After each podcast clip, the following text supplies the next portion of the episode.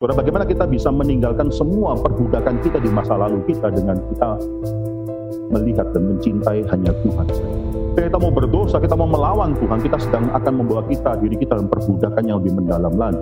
Tuhan memberikan belas kasihan kepada Ahab, menyatakan satu kali satu hal bahwa Tuhan bisa memberikan belas kasihan kepada siapa pun yang dia ingin berikan belas kasihan. Kita berhati-hatilah dengan apa yang kita inginkan dalam hidup ini. Dosa menginginkan apa yang Tuhan tidak berikan kepada kita itu adalah dosa yang besar. Berhati-hatilah dengan dosa yang kita sering kali anggap kecil. Saya cuma menginginkan sesuatu. Isabel, peran daripada pasangan hidup itu terlalu penting. Berhati-hatilah dalam kita mencari pasangan hidup. Bersyukurlah kepada Tuhan kalau pasangan hidup kita adalah pasangan yang terus mengingatkan kita kepada berkat Tuhan.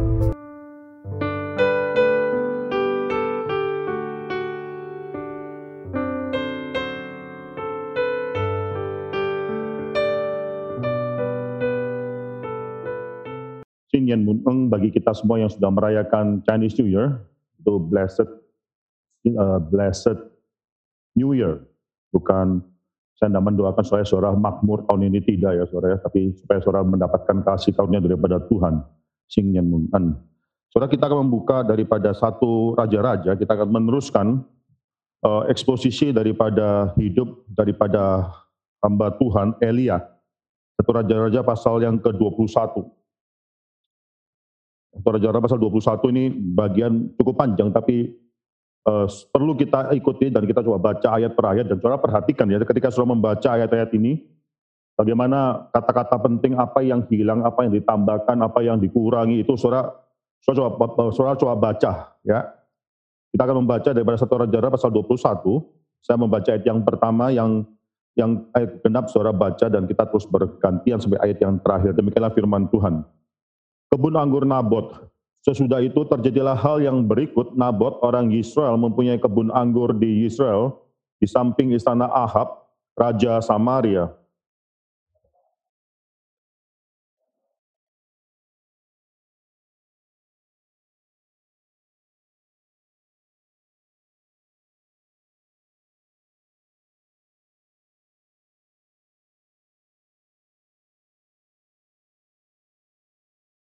Jawab Nabot kepada Ahab, kiranya Tuhan menghindarkan aku daripada memberikan milik pusaka nenek moyangku kepadamu.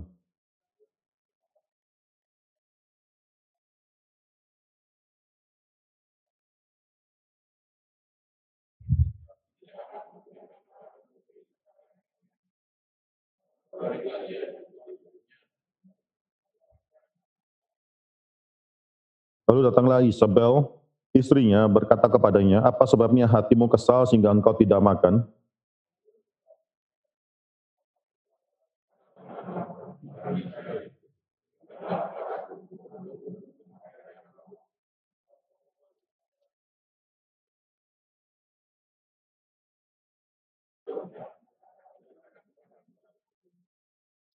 Kata Isabel istrinya kepadanya, bukankah engkau sekarang yang memegang kuasa raja atas Israel? Bangunlah, makanlah, dan biarlah hatimu gembira. Aku akan memberikan kepadamu kebun anggur Nabot, orang Israel itu.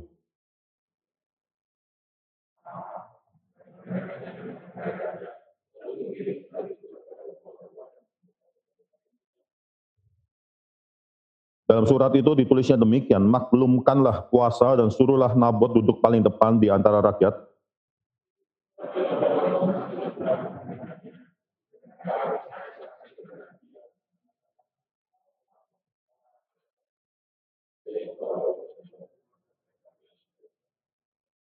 Orang-orang sekotanya yakni tua-tua dan pemuka-pemuka yang diam di kotanya itu melakukan seperti yang diperintahkan Isabel kepada mereka, seperti yang tertulis dalam surat yang dikirimkannya kepada mereka.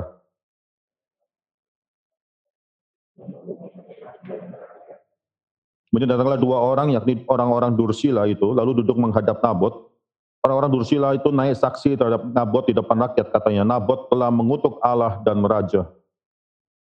Sesudah itu mereka membawa dia keluar kota lalu melemparinya dia dengan batu sampai mati.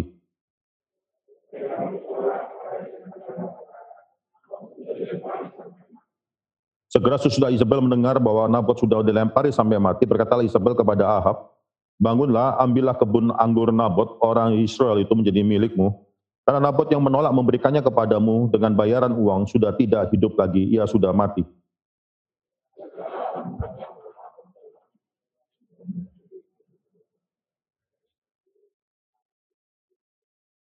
Tapi datanglah firman Tuhan kepada Elia orang Tisbe itu bunyinya, bangunlah pergilah men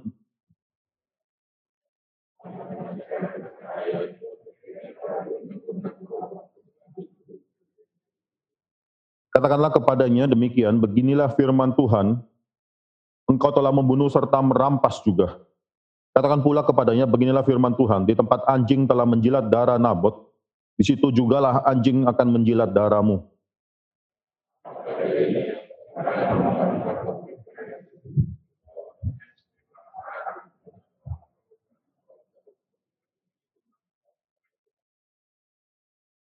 Sesungguhnya aku akan mendatangkan malapetaka kepadamu, aku akan menyapu engkau dan melenyapkan setiap orang laki-laki dari keluarga Ahab, baik yang tinggi maupun yang rendah kedudukannya di Israel.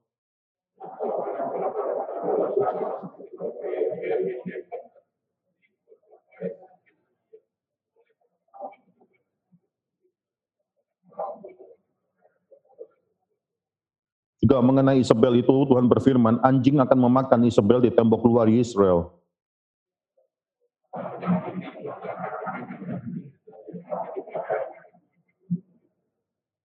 Sesungguhnya tidak pernah ada orang seperti Ahab yang memperbudak diri dengan melakukan apa yang jahat di mata Tuhan, karena ia telah dibujuk oleh Isabel istrinya.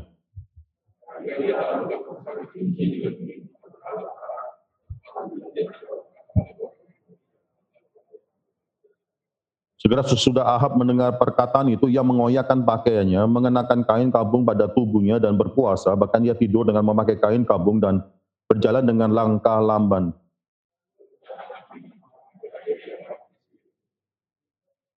Sudahkah kau lihat bahwa Ahab merendahkan diri di hadapanku? Oleh karena ia telah merendahkan diri di hadapanku, maka aku akan mendatangkan malapetaka dalam zamannya. Barulah dalam aku tidak akan mendatangkan malapetaka dalam zamannya, barulah dalam zaman anaknya aku akan mendatangkan malapetaka atas keluarganya. Mereka tundukkan kepala kita berdoa. Bapak dalam surga kami sudah membuka sebagian daripada firman Tuhan, sekarang bukalah pikiran dan hati kami, supaya kami bisa menikmati firman Tuhan ini pada pagi hari ini. Kami bersyukur ya Tuhan karena Tuhan adalah Tuhan yang melihat, Tuhan yang akhirnya Tuhan yang menyatakan kekudusan Tuhan itu sendiri di atas hidup kami ya Tuhan. Ajar kami untuk bisa melayani Tuhan apa pun kondisi hidup kami. Kami bukanlah Tuhan dalam hidup kami, kami memiliki Tuhan dalam hidup kami. Hambamu juga berdoa dan kami semua berdoa pada saat ini bagi mereka semua yang mungkin belum bisa datang ke dalam ruang ibadah ini, bersama-sama berdoa dan berlutut bersama kami.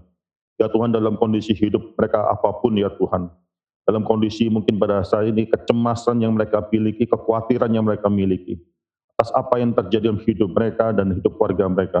Ajar kami pada pagi hari ini bisa mendengarkan firman Tuhan dan hati kami bisa dirubahkan, diperkayakan oleh firman Tuhan ini. Misalkan semua yang akan kami lakukan pada pagi hari ini, mendengarkan firman Tuhan, menaikkan puji-pujian, berdoa, Ya Tuhan sendiri bertakhta di atas segala yang dilakukan oleh manusia. Menyerahkan semua dalam nama Yesus Kristus kami berdoa. Amin. Tuhan terakhir kali kita membaca daripada satu karya raja pasal 19, ada satu perkataan yang sangat tajam sekali yang dikatakan oleh Tuhan kepada Elia, yang sedang mengasihi diri pada saat itu, bahwa dia merasa bahwa dia adalah satu-satunya nabi yang tersisa di Israel. Padahal dia ada satu hal yang dia lupakan. Baru saja dalam dia berbicara dengan Obajah, Bagaimana Obaja itu memelihara seratus nabi Tuhan. Tuhan katakan, Elia, engkau bukan satu-satunya nabi yang tersisa pada saat ini, engkau hanyalah satu di antara tujuh ribu orang yang mulutnya belum pernah mencium Baal, engkau hanyalah satu di antara tujuh ribu orang. Terus saya tidak membahas satu Raja-Raja pasal 20 karena di sana tidak ada nama Elia yang muncul. Terus saya perhatikan satu Raja-Raja pasal 20 di sana ada satu yang luar biasa sekali Ahab, seorang raja yang demikian jahat, yang sudah melawan Tuhan, diberikan belas kasihan oleh Tuhan, sehingga dua kali dia bertempur dengan seorang raja Aram tersebut. Dia memenangkan pertempuran tersebut. Nah seharusnya dia mendapatkan belas kasihan Tuhan semacam demikian. Dia mendapatkan belas kasihan dan Tuhan memenangkan Ahab melawan Aram. Dua kali, kalau sudah perhatikan di sana ada dua kali. Tapi ada satu kejadian fatal yang dia lakukan karena dia akhirnya ber, berdamai dengan dengan Raja Aram tersebut dan dia memperbolehkan Raja Aram tersebut akan mengembalikan kota-kota yang sudah pernah direbut daripada tangan dia dan dia akan kemudian berdamai dengan Raja Aram dan bahkan memiliki tempat perdagangan di kota di Raja Aram tersebut, saudara.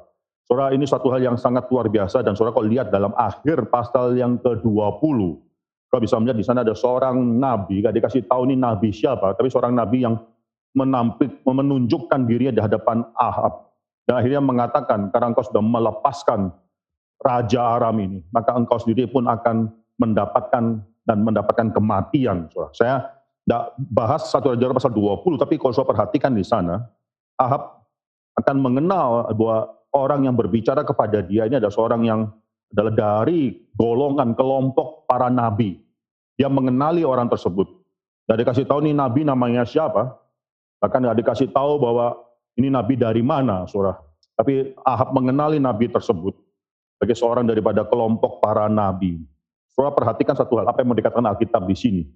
Saya percaya ini bukan Elia, kalau Elia selalu dikatakan Elia atau Elia dari Tisbe dan seterusnya. Ini adalah seorang yang kita tidak pernah tahu dan sampai sekarang kita tidak akan tahu itu nabi namanya siapa. Tapi ini menunjukkan satu hal, bahwa Elia salah. Elia mengatakan bahwa saya adalah satu-satunya nabi yang tersisa. Ini sekarang ada seorang nabi lainnya yang berbicara kepada Ahab. Bahkan berbicara satu kalimat yang demikian pedas, demikian mengancam dirinya mengatakan atau memberitahukan kepada Allah bahwa dia akan dihukum mati oleh Tuhan. So, ini suatu hal yang kita pelajari dan kita harus bisa mengerti bahwa pada akhirnya memang orang Tuhan, milik Tuhan itu banyak. Bukan cuma kita sendiri yang setia melayani Tuhan. Raja-raja pasal 21 menceritakan ada satu orang lainnya di antara 7.000 orang tersebut di Israel yang mulutnya tidak pernah mencium Baal. Nabot seorang mungkin rakyat yang biasa saja, tapi yang mulutnya tidak pernah mencium bal dan dia berani menghadap Raja Ahab dan nanti saya akan melihat bagaimana dia harus mati. Kekejian ini bukan hanya akhirnya ada satu penipuan, ada satu saksi dusta yang akhirnya dirancangkan untuk membunuh Nabot. Ya, saya perhatikan ini nggak ditulis di sini. Saudara, kalau kita lihat ya ayat 1 Raja-Raja pasal 21 ayat yang ke-13 Sesudah itu mereka membawa dia keluar kota lalu melempari dia dengan batu sampai mati dengan suatu dusta yang dikatakan bahwa Nabot telah mengutuk Allah dan Raja. Padahal dia adalah orang yang sangat-sangat mencintai Tuhan. Dia adalah orang yang sangat takut kepada Tuhan. Surat dua Raja-Raja pasal yang ke-9 ayat ke-26 mengatakan bahwa bukan cuma Nabot yang dihukum dilempar batu, bahkan anak-anak laki-lakinya pun. Itu juga akhirnya dilempar batu mati bersama dengan Nabot. Sesuatu kekejian yang luar biasa sekali di mana nanti generasi Nabot dan seterusnya generasi daripada keluarga dia itu dihapuskan oleh apa yang dilakukan oleh Isabel dan yang dilakukan oleh Ahab ini. Suatu, suatu kekejian yang demikian besar di mata Tuhan, sampai Tuhan katakan, kalau saudara perhatikan, ayat yang ke-20, saudara, engkau sudah memperbudak diri dengan melakukan apa yang jahat di mata Tuhan. Ini suatu hal yang luar biasa kerasnya, yaitu engkau sudah memperbudak diri dan melakukan suatu hal yang jahat di mata Tuhan. Bukan hanya dengan membunuh, tapi juga merampas. Ya ayat yang ke-19, kau baca di sana, katakanlah kepadanya demikian, beginilah firman Tuhan, engkau telah membunuh serta merampas juga dua kejahatan yang langsung dilakukan oleh Ahab pada hari itu, saudara. Saudara, semua hal ini dimulai dengan suatu hal yang kita anggap mungkin ringan atau enteng, yaitu dosa menginginkan apa yang dimiliki oleh tetangga kita. So, betapa sering kita menginginkan apa yang dimiliki oleh orang lain, betapa sering kita mungkin merasa iri hati atas apa yang Tuhan berikan kepada orang lain.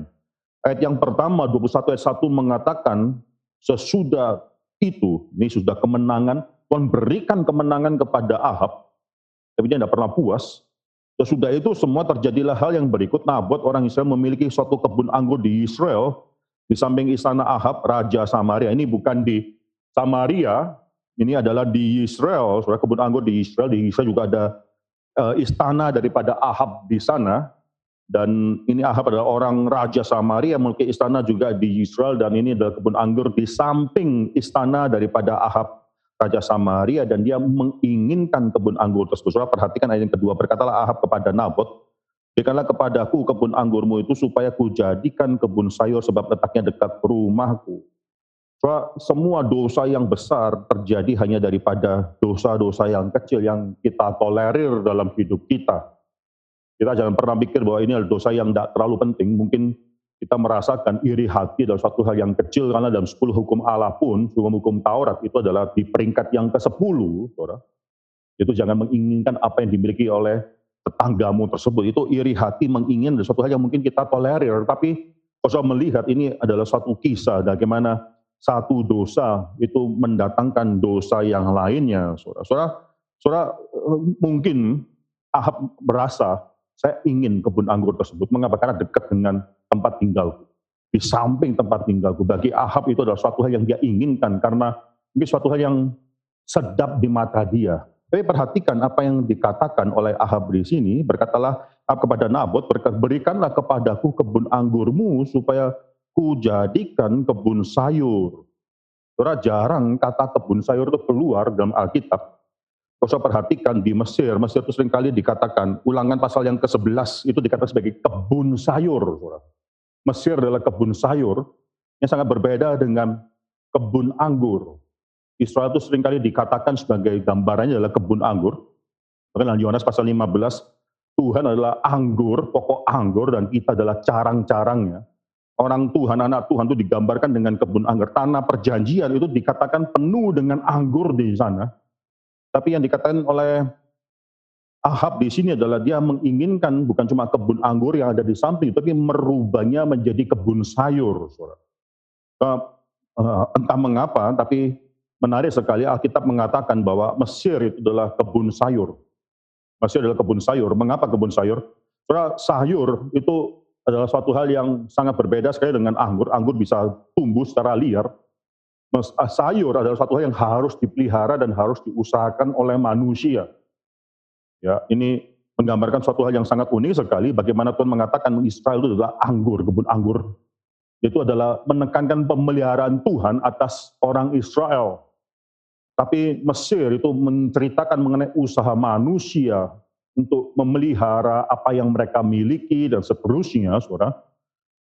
Kita bisa berpikir lebih lanjut lagi mengenai hal ini, tapi kontras di sini adalah antara Mesir dan tanah perjanjian. Ahab tuh ingin sana kan ada suatu gambaran bahwa Ahab tuh ingin menjadikan Israel itu seperti Mesir. Ahab ingin menjadikan Israel itu seperti Mesir dengan kejayaannya, dengan suatu kuasa atau mungkin apa yang dia usahakan itu sangat dipentingkan sekali walaupun saya sudah katakan bahwa anak perjanjian itu umat Tuhan adalah anggur bagi Tuhan. Saya perhatikan di sini, saudara, tawaran daripada Ahab, dan saudara coba pikirkan ya, ini tawaran baik atau enggak. Kalau saudara adalah seorang yang namanya Nabot, ditagihkan tawaran ini, saudara akan menerima atau tidak. Saudara perhatikan apa yang dikatakan oleh Ahab. Aku akan memberikan kepadamu kebun anggur yang lebih baik daripada itu sebagai gantinya. Atau jikalau engkau lebih suka, aku akan membayar harganya kepadamu dengan uang, cash. Kasih. Dikasih kebun anggur yang lebih baik atau kasih uang, berapapun yang kau minta. Kalau dalam perkataan semacam demikian, hati-hati karena ini ada suatu penipuan. Mengapa? Tidak mungkin kebun anggur yang lebih baik akan ditawarkan kepada uh, kepada Nabot. Kalau itu lebih baik, kenapa enggak dia menginginkan kebun yang lebih baik? Apa dia menginginkan kebun itu? Apa dia menginginkan tanah tersebut, yaitu tanah milik daripada Nabot? Kalau memang ada tanah yang lebih baik, mengapa dia nggak menginginkan tanah tersebut? Jadi ini pasti tanah lebih baik daripada tanah yang itu. Bagi Ahab, suara tanah tersebut adalah tanah yang lebih baik, mungkin karena sangat dekat sekali, lokasi sangat strategis sekali. Perhatikan, saudara, apa yang dikatakan Nabot kepada dia. Ini suatu jawaban yang sangat penting. Nabot jawab, eh ketiga, jawab Nabot kepada Ahab. Kiranya Tuhan menghindarkan aku daripada memberikan milik pusaka nenek moyangku kepadamu. So, sana ada satu mulai dalam satu kalimat, dia langsung nabot itu langsung mengetahui bahwa dalam kondisi macam demikian dia memerlukan pertolongan Tuhan. Menarik sekali, so dia katakan kiranya Tuhan menghindarkan aku daripada memberikan milik pusaka nenek moyangku kepadamu. Ada beberapa hal yang penting di sini. Pertama dia sudah meminta Tuhan hadir dalam pembicaraan atau apa yang dia sedang lakukan pada saat itu dan dia minta pertolongan daripada Tuhan. Ya Tuhan menghindarkan aku. Yang kedua, ada satu kata yang keluar yang unik di sana, memberikan. Saudara, luar biasa bagi Nabot nanti, tanah yang akan di, sedang dilirik oleh Ahab ini incomparable. Bagi dia, kalaupun Ahab memberikan tanah lebih besar, atau memberikan uang kepadanya, bagi dia itu bukan suatu trade yang balance. Tetap dia memberikan sesuatu bukan cuma menjualnya atau menukarnya, tapi dia akan memberikan tanah ini kepada Ahab. Bagi, Nab, bagi Nabot ini suatu trade, suatu usulan yang sangat tidak seimbang sekali, saudara. Yang ketiga, dia katakan suatu kalimat, dia tidak mau memberikan milik pusaka nenek moyangnya kepada Ahab. Apa maksudnya di sini? Surat tanah bagi orang-orang di Israel itu adalah tanah milik Tuhan memang diberikan kepada mereka suku demi suku, keluarga demi keluarga, tapi mereka tidak benar-benar pernah memiliki tanah tersebut. Bahkan Tuhan melarang orang Israel itu menjual tanahnya. Tuhan melarang orang Israel itu memberikan tanah, menukar tanah itu dilarang, tanah milik pusaka Tuhan. Kalau kita baca berapa ayat, kalau kita baca imamat, kita baca imamat pasal yang ke-25,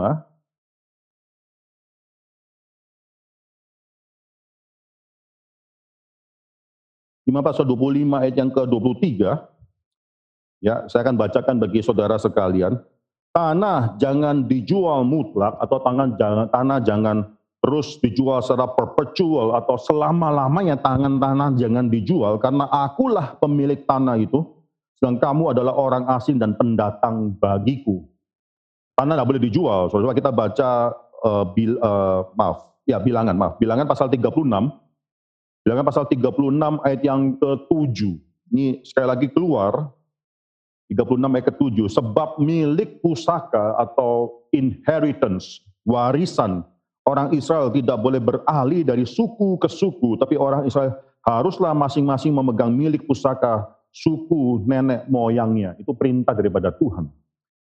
Jadi saudara ketika Nabot bicara mengenai hal ini, dia bukan sedang mencoba bargain, mendapatkan harga tawar yang lebih baik, enggak. Dia tahu ini tidak bisa diberikan. Dia tidak ada kuasa untuk menjual tanah ini. Tapi dia berkata satu hal, Tuhan tolong. Kira Tuhan menghindarkan aku daripada melakukan sesuatu yang kecil di hadapan Tuhan, itu memberikan, seakan aku merasa memiliki tanah ini dan akhirnya menjual tanah ini atau menukarkannya. Jangan sampai ku berikan tanah yang adalah milik pusaka nenek moyangku ini dia mengerti, Ahok mengerti mengenai apa arti tanah di sana. So, mungkin bagi Ahab, tanah itu cuma luxury yang bisa ditambahkan sewaktu-waktu dia bisa dapatkan dengan uang. Itu satu hal yang dia bisa beli. Tetapi bagi Nabot, tanah itu adalah hidup. Mungkin tanah itu sangat kecil sekali, tidak besar. Ada tanah yang lebih baik, yang lebih besar yang bisa ditawarkan kepada Nabot. Tapi Nabot, bagi Nabot itu adalah milik pusaka. Itu adalah inheritance, itu adalah bukti bahwa Tuhan adalah Tuhan yang dia sembah pada saat itu. Itu bukti penyertaan Tuhan bagi orang Israel. Maka Nabot menolak hal ini, saudara. Dia mengatakan, Ya Tuhan menghindarkan aku daripada memberikan milik pusaka nenek moyangku kepadamu. Saudara, apa yang terjadi dengan Ahab? Ahab kayak anak kecil di sini ya, BT. Laper banget saudara di sana ya. Dia langsung apa? Masuklah Ahab ke dalam istananya dengan kesal hati dan gusar. Ini bukan pertama kali kalau saudara baca dalam pasal 20 ayat 43, saya dikasih tahu bahwa engkau akan mati. Sama, sekarang Raja Israel ini sekarang masuk dalam istan dengan kesal hati dan gusar. Dalam pasal yang ke-20 dia gusar, kesal hati sama Tuhan yang mungkin menjatuhkan hukuman mati bagi dia. Dalam pasal yang ke-21 dia gusar, kesal hatinya kepada orang. Ini seorang yang tidak pernah bisa mendapatkan damai dalam hidupnya. Dia gusar, kesal pada siapa pun. Ya, nanti dia akan mengatakan, bahkan saudara masih ingat ya ketika dia bertemu dengan Elia pada ayat pasal yang ke-18. Engkaukah itu Elia musuh orang Israel? Bagi dia tuh semuanya adalah orang yang melawan dia. Tuhan bahkan melawan dia. Dia sadar bahwa dia sudah melawan Tuhan. Dan melawan semua orang. Oh, maka di sini maka dia mulai rehearse perkataan daripada Nabot. Dia terus ingat apa yang Nabot katakan di sana. Ya, lalu masuklah Ahab ke dalam istana dengan kesal hati dan gusar karena perkataan yang dikatakan Nabot orang Israel itu kepadanya. Tidak akan kuberikan kepadamu milik pusaka nenek moyangku. Saudara di sana, kita bisa melihat perkataan sudah berubah. Ya, saudara Nabot bukan mengatakan kalimat semacam demikian, tapi lebih tepatnya akhirnya Tuhan. Nabot mungkin ada suatu godaan juga. Saya nggak tahu apa yang terjadi. Tuhan Nabot mengatakan kiranya Tuhan menghindarkan aku Kalau di sana tidak dipikirkan perkataan atau relasi Nabot pada Tuhan tidak dipikirkan, tapi bagi Ahab, Nabot adalah seseorang yang cuma menolak permintaan dia. Tidak akan kuberikan kepadaku milik pusaka nenek moyangku. Maka berbaringlah ia di tempat tidurnya dan menelungkupkan mukanya dan tidak mau makan. Persis mirip anak kecil. Lagi marah si Ahab. Si, si Ahab. Karena pada saat itu siapa yang paling Ahab perlukan? Orang macam apa yang paling Ahab perlukan pada saat itu? Orang macam apa yang paling kita perlukan kita kita sedang bergumul dengan suatu dosa? Justru adalah orang yang akan menegur semua dosa-dosa daripada Ahab, dosa-dosa kita. Pada saat itu kalau misalnya yang masuk mendatangi Ahab adalah Elia terlebih dahulu dan memperingatkan Ahab Sebagaimana Tuhan memperingatkan Kain ketika Kain sudah mulai mau melakukan dosa. Itu sukacita yang luar besar sebenarnya bagi Ahab. Ketika kita ditegur dan diingatkan oleh orang mengenai kepotensi dosa yang kita bisa lakukan, mengenai apa yang ada sebenarnya dalam diri kita. Saudara, sering kali kita tidak senang. Kita tidak suka. Kita suka dengan orang yang sama bicara dengan kita yang juga mungkin menyetujui apa yang kita inginkan, yang mendorong kita mencapai sesuatu yang kita inginkan. Kita nggak terlalu suka mendengarkan orang yang berbeda dengan kita, yang merintangi kita dan seterusnya. Itu bukan tanda seorang rohani. Tanda seorang rohani adalah dia tahu kapan Tuhan berbicara kepada dia. Melalui firman Tuhan atau mungkin juga melalui komunitas, melalui orang yang paling dekat dengan dia, melalui suami, melalui suami atau melalui istri, atau bahkan melalui anaknya Tuhan berbicara melalui orang-orang yang Tuhan tempatkan di sekitar dia itu sukacita luar biasa sekali kalau dia bisa tahu. Apa yang terjadi dalam hidup Ahab bukan Elia yang masuk, tapi istrinya Isabel. Kalau Isabel akan berdosa lebih daripada Ahab, Ahab paling tidak sudah mendengarkan kalimat itu dia berhenti. Tidak melakukan lebih jauh lagi. Dia kesal hati dan seterusnya, tapi dia tidak merancangkan untuk membunuh Nabot dan mendapatkan tanya tidak. Isabel akan kemudian memanas-manasi Ahab dan kemudian bahkan akan merancang supaya bagaimana Nabot dan dalam dua raja-raja pasal 9 itu juga keturunannya, anak-anaknya semua dibunuh supaya tanah itu bisa diambil. Perhatikan ayat kelima, ini kesialan daripada Ahab adalah pada satu bukan firman Tuhan yang dia dengarkan, bukan orang yang mencintai Tuhan yang mendekati dia, tapi orang yang membenci Tuhan yang berbicara kepada dia kesialan besar. Kelima, lalu datanglah Isabel, istrinya, dan berkata kepadanya, apa sebabnya hatimu kesal sehingga engkau tidak makan? Lalu jawabnya kepadanya, sebab aku telah berkata kepada Nab. Saudara perhatikan kalimat daripada Ahab, ini sudah mulai berubah lagi. Saudara. Perhatikan. Lalu jawabnya kepadanya, sebab aku telah berkata kepada Nabot, orang Israel, berikanlah kepadaku kebun anggurmu dengan bayaran uang, atau jika engkau lebih suka, aku akan memberikan kebun anggurmu, kebun anggur kepadamu sebagai gantinya. Tapi sahutnya, tidak akan kuberikan kepadamu kebun anggurku itu. Mirip ya, kayak mirip, tapi berbeda sekali. Perbedaan pertama, saya bisa melihat di sini, saya perhatikan tawaran daripada uh, Ahab kepada Nabot itu terbalik. Tadi Ahab menawarkan apa, saudara? Menawarkan kebun anggur lain yang lebih baik atau uang. Jangan kebalik aku menawarkan bayaran uang atau jika engkau lebih suka, aku akan memberikan kebun anggur kepadamu. Itu kebalik sana kan doesn't matter. Bagi Ahab tidak ada bedanya mau kebun anggur ini atau uang doesn't matter. Mungkin bagi Nabot itu suatu hal yang sangat besar sekali perbedaannya, tapi bagi Ahab, either way is fine. Kedua, perbedaannya sangat besar sekali di sini, saya bisa melihat bahwa ternyata kebun anggur ditawarkan memang nggak lebih baik. Ahab sendiri mengatakan, aku menawarkan kepada dia bayaran uang atau jika engkau lebih suka akan memberikan kebun anggur. Tidak ada kata yang lebih baik di sana. Cuma kebun anggur, kuberikan kepadamu. Itu satu tipuan, saya katakan tadi sekali lagi itu tawaran suatu tipuan. Itu bagi Ahab yang lebih baik ada memang itu. Itu kebun anggur Nabot itu yang lebih baik bagi dia. Jadi suatu hal yang saudara bisa melihat di sini bahwa pada akhirnya apa yang dikatakan pada ah, pada Nabot adalah suatu hal yang tidak terlalu penting bagi Ahab. Yang ketiga, perubahan yang lain adalah tetapi saat ini dia semakin rehearse perkataan daripada Nab, Nabot itu semakin berubah perkataan tersebut. Dia semakin dipanasi dengan perkataan-perkataan yang sebenarnya bukan keluar dari mulut bibirah daripada Nabot. Perhatikan di sana, tetapi sahutnya tidak akan kuberikan kepadamu kebun anggurku itu. Saudara, ini tidak pernah keluar daripada mulut daripada Nabot. Perhatikan apa yang dikatakan oleh Nabot. Kiranya Tuhan menghindarkan aku daripada memberikan milik pusaka nenek moyangku kepadamu. Tapi yang didengarkan oleh Ahab, aku tidak akan memberikan milikku kepadamu. Padahal ah, ah, ah, Nabot di sini mengatakan itu adalah milik pusaka nenek moyangnya dia. Dia tidak memiliki kuasa untuk bisa melakukan hal itu sebenarnya. Itu karena milik pusaka nenek moyangnya dia. So Isabel ayat ketujuh berkata kepada dia, bukankah engkau sekarang yang memegang kuasa raja atas Israel? Bangunlah makan dan biarlah hatimu gembira. Aku akan memberikan kepadamu kebun anggur Nabot orang Israel itu. Saudara di sini Isabel seakan mengatakan bahwa dia melebihi Tuhan. Nabot mengatakan tidak bisa aku memberikan kebun anggur ini kepadamu, tidak bisa. Dan Tuhan mengingatkan aku dan menghindarkan aku daripada memberikan, melakukan sesuatu yang tidak mungkin bisa kulakukan ini. Tapi Yisrael mengatakan bahwa dia melebihi Tuhan, itu adalah kebun anggur. Dia merasa engkau adalah raja, stop, jangan cengeng. Engkau adalah raja, semua tanah ini adalah milikmu. Ya, akan kuberikan apa yang kau inginkan. Kita tidak usah bahas baca banyak di sini, saudara, tapi saudara bisa melihat akhirnya Isabel, Isabel itu menuliskan suatu surat atas nama Ahab dan melakukan satu kekejian, itu akhirnya menjatuhkan Nabot orang yang saleh tersebut dengan melakukan saksi dusta kepada dia. Karena Nabot adalah seorang yang akhirnya setia sampai mati.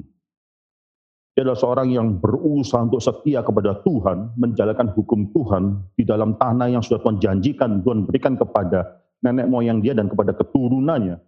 Dan oleh karena itu dia mati. Nanti saudara bisa melihat ketika seorang nabi besar yang namanya Elia yang takut mati, tapi tidak pernah mati akhirnya. Dan dia mengasihi diri sedemikian rupa sehingga mengatakan bahwa dia pun akan dibunuh, dia minta mati dan seterusnya, tapi dia akhirnya tidak pernah mengalami kematian. Tapi di sini ada seorang yang benar-benar setia kepada Tuhan, sampai akhirnya dia harus membayar dengan harga hidupnya, nyawanya sendiri. Ini mirip sekali dengan apa yang akan terjadi di hidup Tuhan Yesus Kristus. Kita bisa melihat bagaimana nanti dalam hidup Tuhan Yesus Kristus, karena kesetiaan dia, dia akan mati di atas kayu salib. Tapi sebelum dia mati, itu ada saksi dusta yang dikeluarkan oleh orang-orang untuk menjatuhkan dia sama menghujat Tuhan. Alasannya menghujat Tuhan. Orang ini telah menghujat Tuhan. Aku mendengarkan orang ini telah menghujat Tuhan dan raja. Raja tidak terlalu penting, tapi ini satu yang sangat besar sekali pada saat itu menghujat Tuhan dan kedua menghujat raja dan akhirnya Nabot akan dilempar mati dan dua raja-raja sekali lagi suara itu mengatakan Nabot dan anak-anak laki-laki.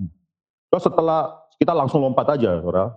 Eh 14 Ya, setelah itu mereka orang-orang itu menyuruh orang kepada Isabel mengatakan Nabot sudah dilempari sampai mati. 15 segera sesudah Isabel mendengarkan bahwa Nabot sudah dilempar sampai mati. Berkatalah Isabel kepada Ahab, bangunlah ambillah kebun anggur Nabot orang Israel itu menjadi milikmu. Karena Nabot yang menolak memberikannya kepadamu. Dengan bayaran uang sudah tidak hidup lagi ya sudah mati. Surah, kalaupun Nabot mati, tanah itu tidak otomatis lepas daripada keluarga Nabot. Perhatikan ini saudara. Kalaupun Nabot sudah mati, dan memang Nabot mati, harus dilihat ada ndak anak-anaknya, ada ndak saudaranya, ada ndak sanak saudara dalam keluarga tersebut, ada ndak levirate marriage, misalnya harus diperiksa semua yang menjadikan tanah tersebut adalah bukan lagi milik daripada orang yang sudah meninggal, tapi Isabel tidak peduli semua hal ini bagi Isabel dia adalah suami, adalah raja, dia memiliki hak, dia bisa membunuh siapa pun yang dia inginkan dengan cara apa pun dan selalu merampas apa yang dimiliki oleh milik pusaka nenek moyangnya. Dirampas dan serang ambil. Menunjukkan bagaimana Isabel dan akhirnya sayangnya Ahab itu melakukan suatu kekejian dengan disregard tanah milik pusaka milik Tuhan. Tuhan mengatakan tidak boleh pindah ke suku lain pun tidak boleh, apalagi ke bangsa lain. Coba perhatikan di sini, saudara.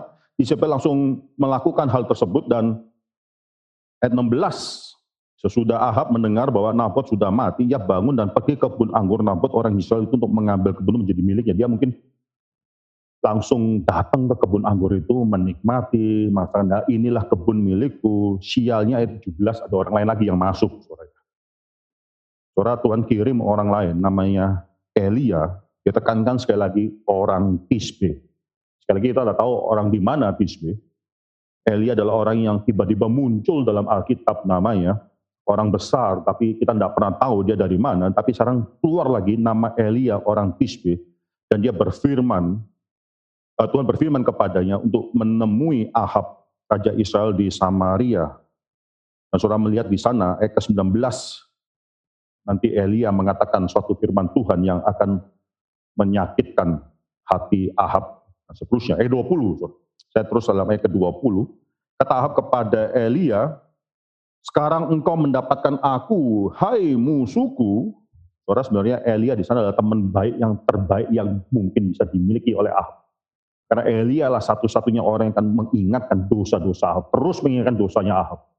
Tapi bagi Ahab yang suka mendengarkan orang-orang yang menyetujui dosa dia, Elia adalah musuhnya. Musuh terbesar Ahab sebenarnya adalah Isabel. Justru yang paling dekat dengan Ahab itu adalah Isabel. Musuh terbesar daripada Ahab adalah orang yang terdekat dengan dia. Jawabnya memang sekarang aku mendapatkan engkau karena engkau sudah memperbudak diri dengan melakukan apa yang jadi mata Tuhan. Saudara ketika kita berdosa, kita bukan cuma berdosa kepada Tuhan saja, itu sangat penting sekali. Tapi kita sudah memperbudak diri kita. Dalam dosa-dosa kita, kita sudah memperbudak diri kita. Dan itu satu hal yang sangat kasihan sekali ketika orang Israel yang sudah dilepas kali itu daripada perbudakan Mesir memperbudak dirinya lagi. Itu gambaran yang dikatakan oleh uh, Elia kepada Ahab di sini. Engkau sudah memperbudak dirimu lagi dengan engkau melakukan apa yang jadi mata Tuhan. Banyak sekali orang Kristen yang mengatakan bahwa orang Kristen itu hidupnya terlalu terkekang. Tuhan mengekang, mengkontrol ini, tidak boleh, itu tidak boleh, ada 10 hukum Taurat, seterusnya. Itu, itu kebebasan, itu satu spiritual. Kita dibebaskan daripada dosa-dosa kita.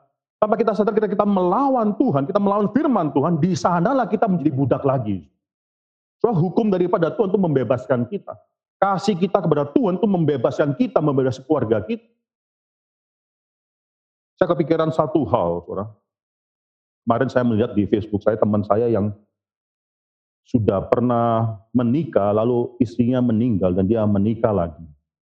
Saya kepikiran, saya kepikiran bagaimana orang ini akhirnya bisa terus-menerus akhirnya mencintai istri yang baru ketika dia mungkin masih bisa ingat istri yang lamanya.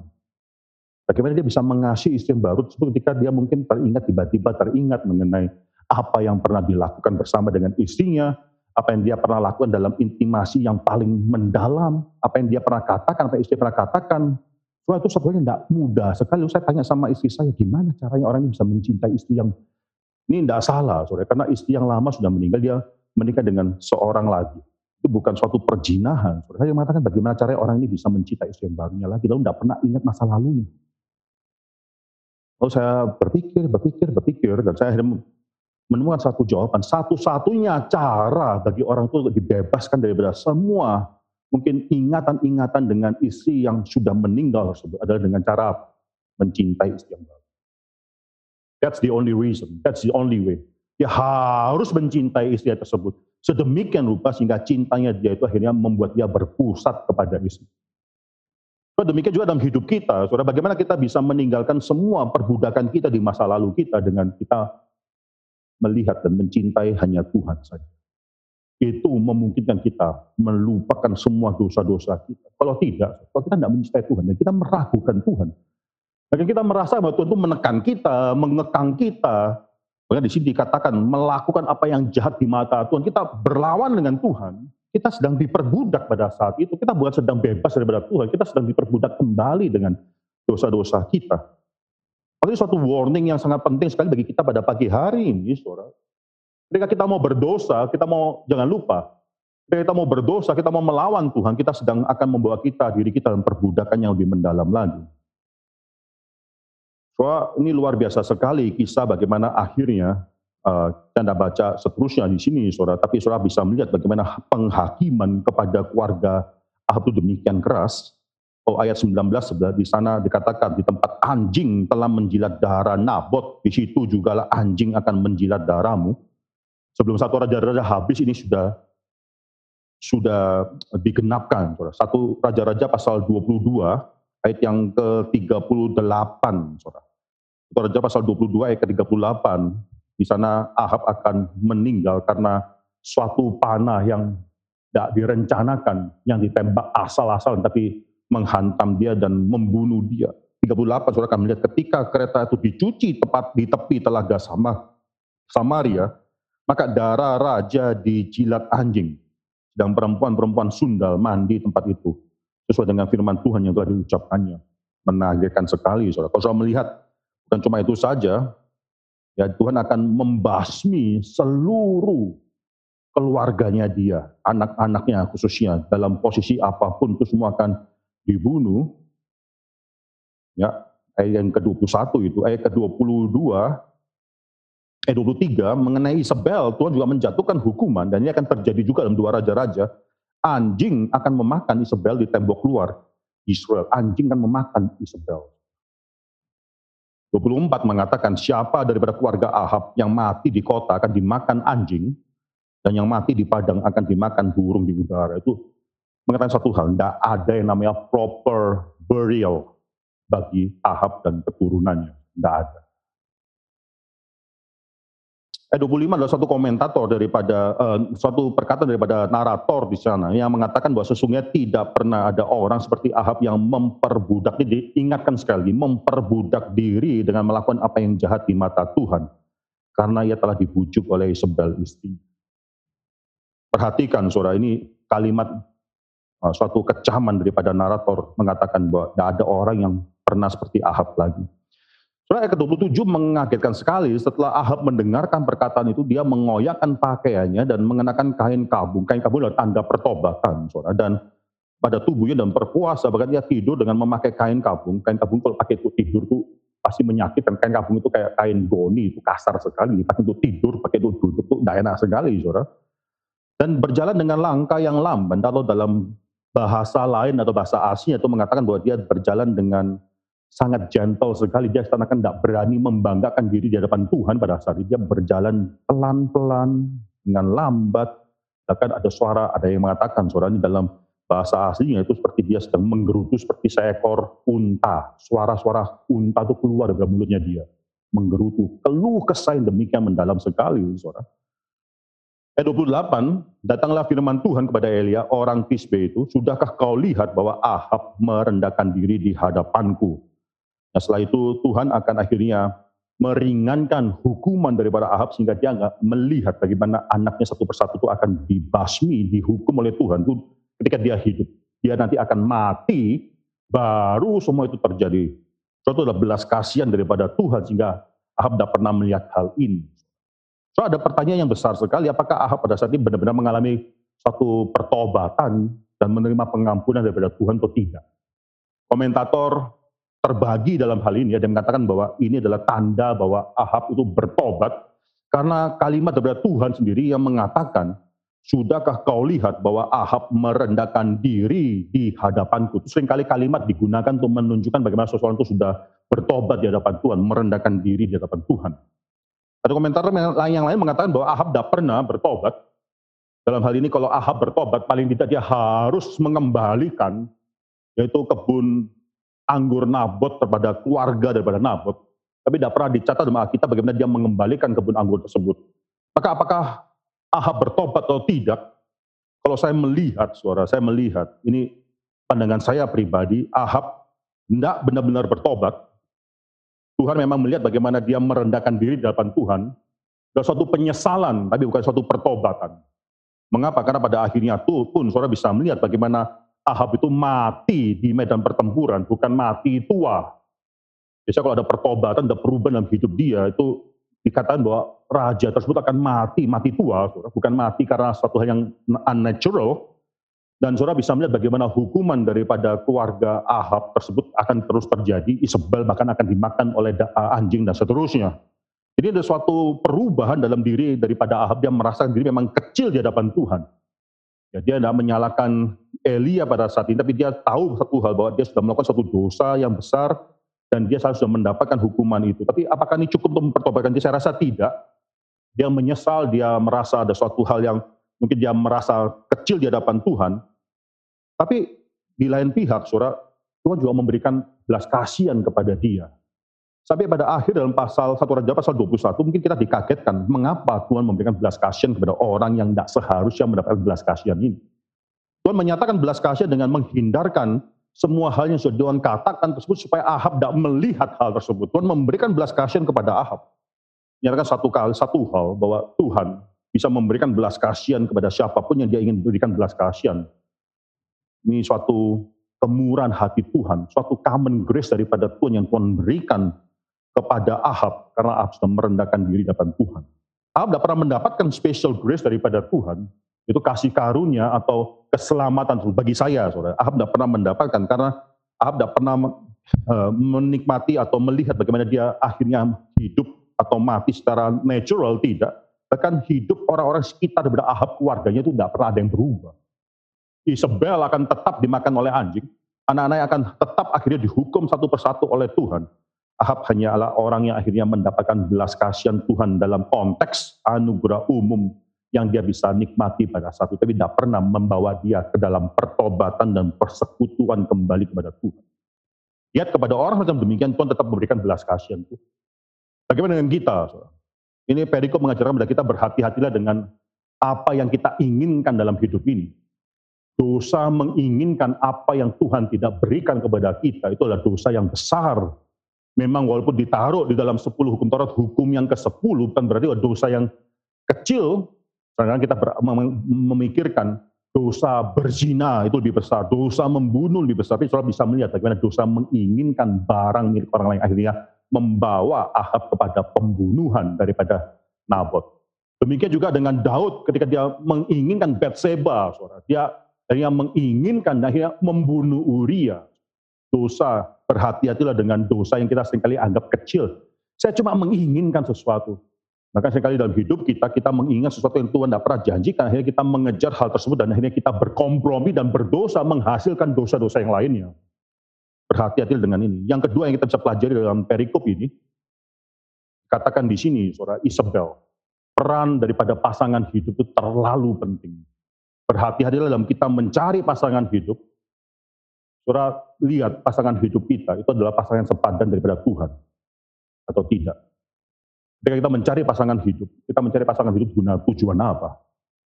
Tuhan mengatakan bahwa tidak baik bahwa Adam itu seorang diri. Aku akan memberikan seorang penolong baginya yang sepadan dengan dia. Seorang penolong yang sepadan dengan dia. Isabel kalau dia adalah seorang anak Tuhan, apa yang akan dia lakukan pada saat itu? Manusia bisa saja berdosa, Ahab pada saat itu bisa saja panas hatinya dan dia akhirnya berdosa dan tidak mau makan, kesal, hati dan gusar dan seterusnya. Isabel bisa melunakkan hati Ahab dan mengatakan, Ahab, lihatlah apa yang Tuhan berikan bagi engkau sebagai seorang raja. Engkau sudah mendapatkan segala-galanya. Mau apa lagi daripada itu? Ahab, Isabel bisa mengingatkan Ahab atas berkat-berkat Tuhan. Isabel bisa mengingatkan Ahab bahwa sebagai seorang raja, dia bukanlah lebih daripada saudara-saudara lainnya di Israel, sebagai seorang raja, dia adalah seorang yang harus terus-menerus mentaati hukum daripada Tuhan. Dia bisa bisa mengingati Ahab, bahkan menegur Ahab mengatakan bahwa apa yang dilakukan oleh Nabot adalah sesuai dengan perintah Tuhan. Engkau tidak lebih tinggi daripada Nabot. Tuhan katakan raja di Israel itu tidak lebih tinggi daripada saudara-saudaranya. Apa yang dilakukan oleh Nabot adalah seorang yang akhirnya menaklukkan diri di hadapan hukum daripada Tuhan. Engkau juga bisa melakukan hal yang sama. Proporsi Isabel pada itu terlalu penting, tapi Isabel tidak mengerti semua hal ini. Akhirnya dia malah menjerumuskan Ahab lebih lanjut lagi. So perikop ini menceritakan kepada kita betapa pentingnya peran orang yang paling dekat di sekitar kita. Bersyukurlah kepada Tuhan kalau pasangan hidup kita adalah pasangan yang terus mengingatkan kita kepada berkat Tuhan. Dan terus buat kita melihat apa yang belum kita dapatkan. Bersyukurlah kepada Tuhan kalau pasangan hidup kita adalah pasangan yang terus mengingatkan kepada kita bahwa kita sudah cukup. Content, be content with what we have. Bersyukurlah kepada Tuhan kalau pasangan hidup kita adalah membawa kita melihat kepada Tuhan dan perintah Tuhan. Pasangan yang sepadan yang Tuhan berikan membawa kita melihat Tuhan. Lebih daripada dunia ini. Itulah pasangan yang sepadan. Ketika engkau mencari pasangan hidup, saudara, coba lihat pasangan hidup itu semakin mendekatkan engkau kepada Tuhan atau semakin menjauhkan dirimu kepada Tuhan. Kalau di sini dalam perikop ini, saudara, Tuhan mengatakan bahwa eh, eh, Ahab sudah melakukan suatu dosa yang besar melawan Tuhan dengan mengikuti apa yang dikatakan oleh Isabel. Yang terakhir yang bisa kita pelajari daripada sini, dosa selalu memperbudak kita. Dosa selalu memperbudak kita. Kalau kita adalah anak-anak Tuhan, kita dibebaskan daripada perbudakan dosa itu.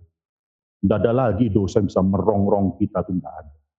Kalau kita adalah anak Tuhan, kita memiliki kekuatan untuk melawan segala kuasa dari dosa.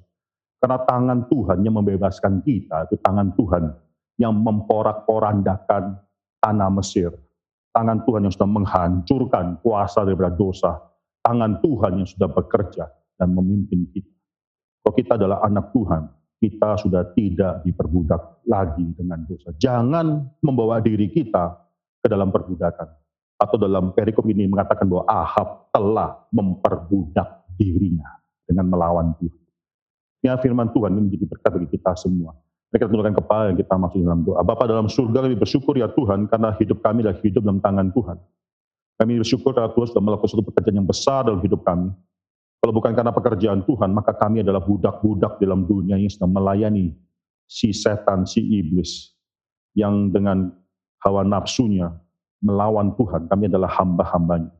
Tapi kami bersyukur kami adalah anak-anak Tuhan dan kami bersyukur tengah-tengah kami Tuhan berikan orang-orang lain, baik itu pasangan hidup kami maupun mungkin anak-anak kami, orang tua kami, ataupun juga saudara seiman kami dalam gereja yang dapat memperhatikan saudara yang lainnya, yang juga akhirnya memperingatkan, akhirnya menegur, maka akhirnya mendoakan kami. Kami berdoa ya Tuhan supaya Tuhan jangan memakai dan membiarkan kami dan membiarkan kami dalam ego kami melayani diri kami dan memperbudak diri kami lagi. Dalam perjuangan kami dalam dunia sementara ini ya Tuhan, ajar kami dapat terus menerus melihat Tuhan dan tempatkan orang-orang sekitar kami yang, bahwa yang dapat membawa kami melihat Tuhan. Mungkin suara mereka tidak langsung kami sukai. Mungkin teguran mereka kami tidak langsung syukuri ya Tuhan. Mungkin bahkan kehadiran mereka enggak kami langsung nikmati. Tapi kalau Tuhan tempatkan mereka sekitar kami, ajar kami untuk bisa bertumbuh melalui pekerjaan Tuhan, melalui diri mereka. Misalkan komunitas ini dalam tangan Tuhan, banyak hal yang masih harus dituntaskan dalam komunitas ini. Banyak kesalahan, banyak kekurangan yang kami lakukan. Kami mendoakan ya Tuhan, supaya Tuhan sendiri yang akhirnya menunjukkan betapa indah takhta Tuhan di atas komunitas ini. Kami misalkan semua daripada kami yang dalam ruangan ini, Pokoknya mengikuti persoalan doa ini melalui Zoom. Kami berdoa ya Tuhan, Tuhan berkati setiap daripada kami dengan berkat-berkat yang lebih daripada apa yang bisa kami dapatkan dalam dunia. Tahun ini adalah tahun baru Chinese dirayakan oleh begitu banyak jemaat dan orang-orang lain di Indonesia. Sehingga pada tahun ini kami sekali lagi diingatkan mengenai kehadiran Tuhan dalam hidup kami. Dalam nama Yesus Kristus kami berdoa dan mengucap syukur. Amin.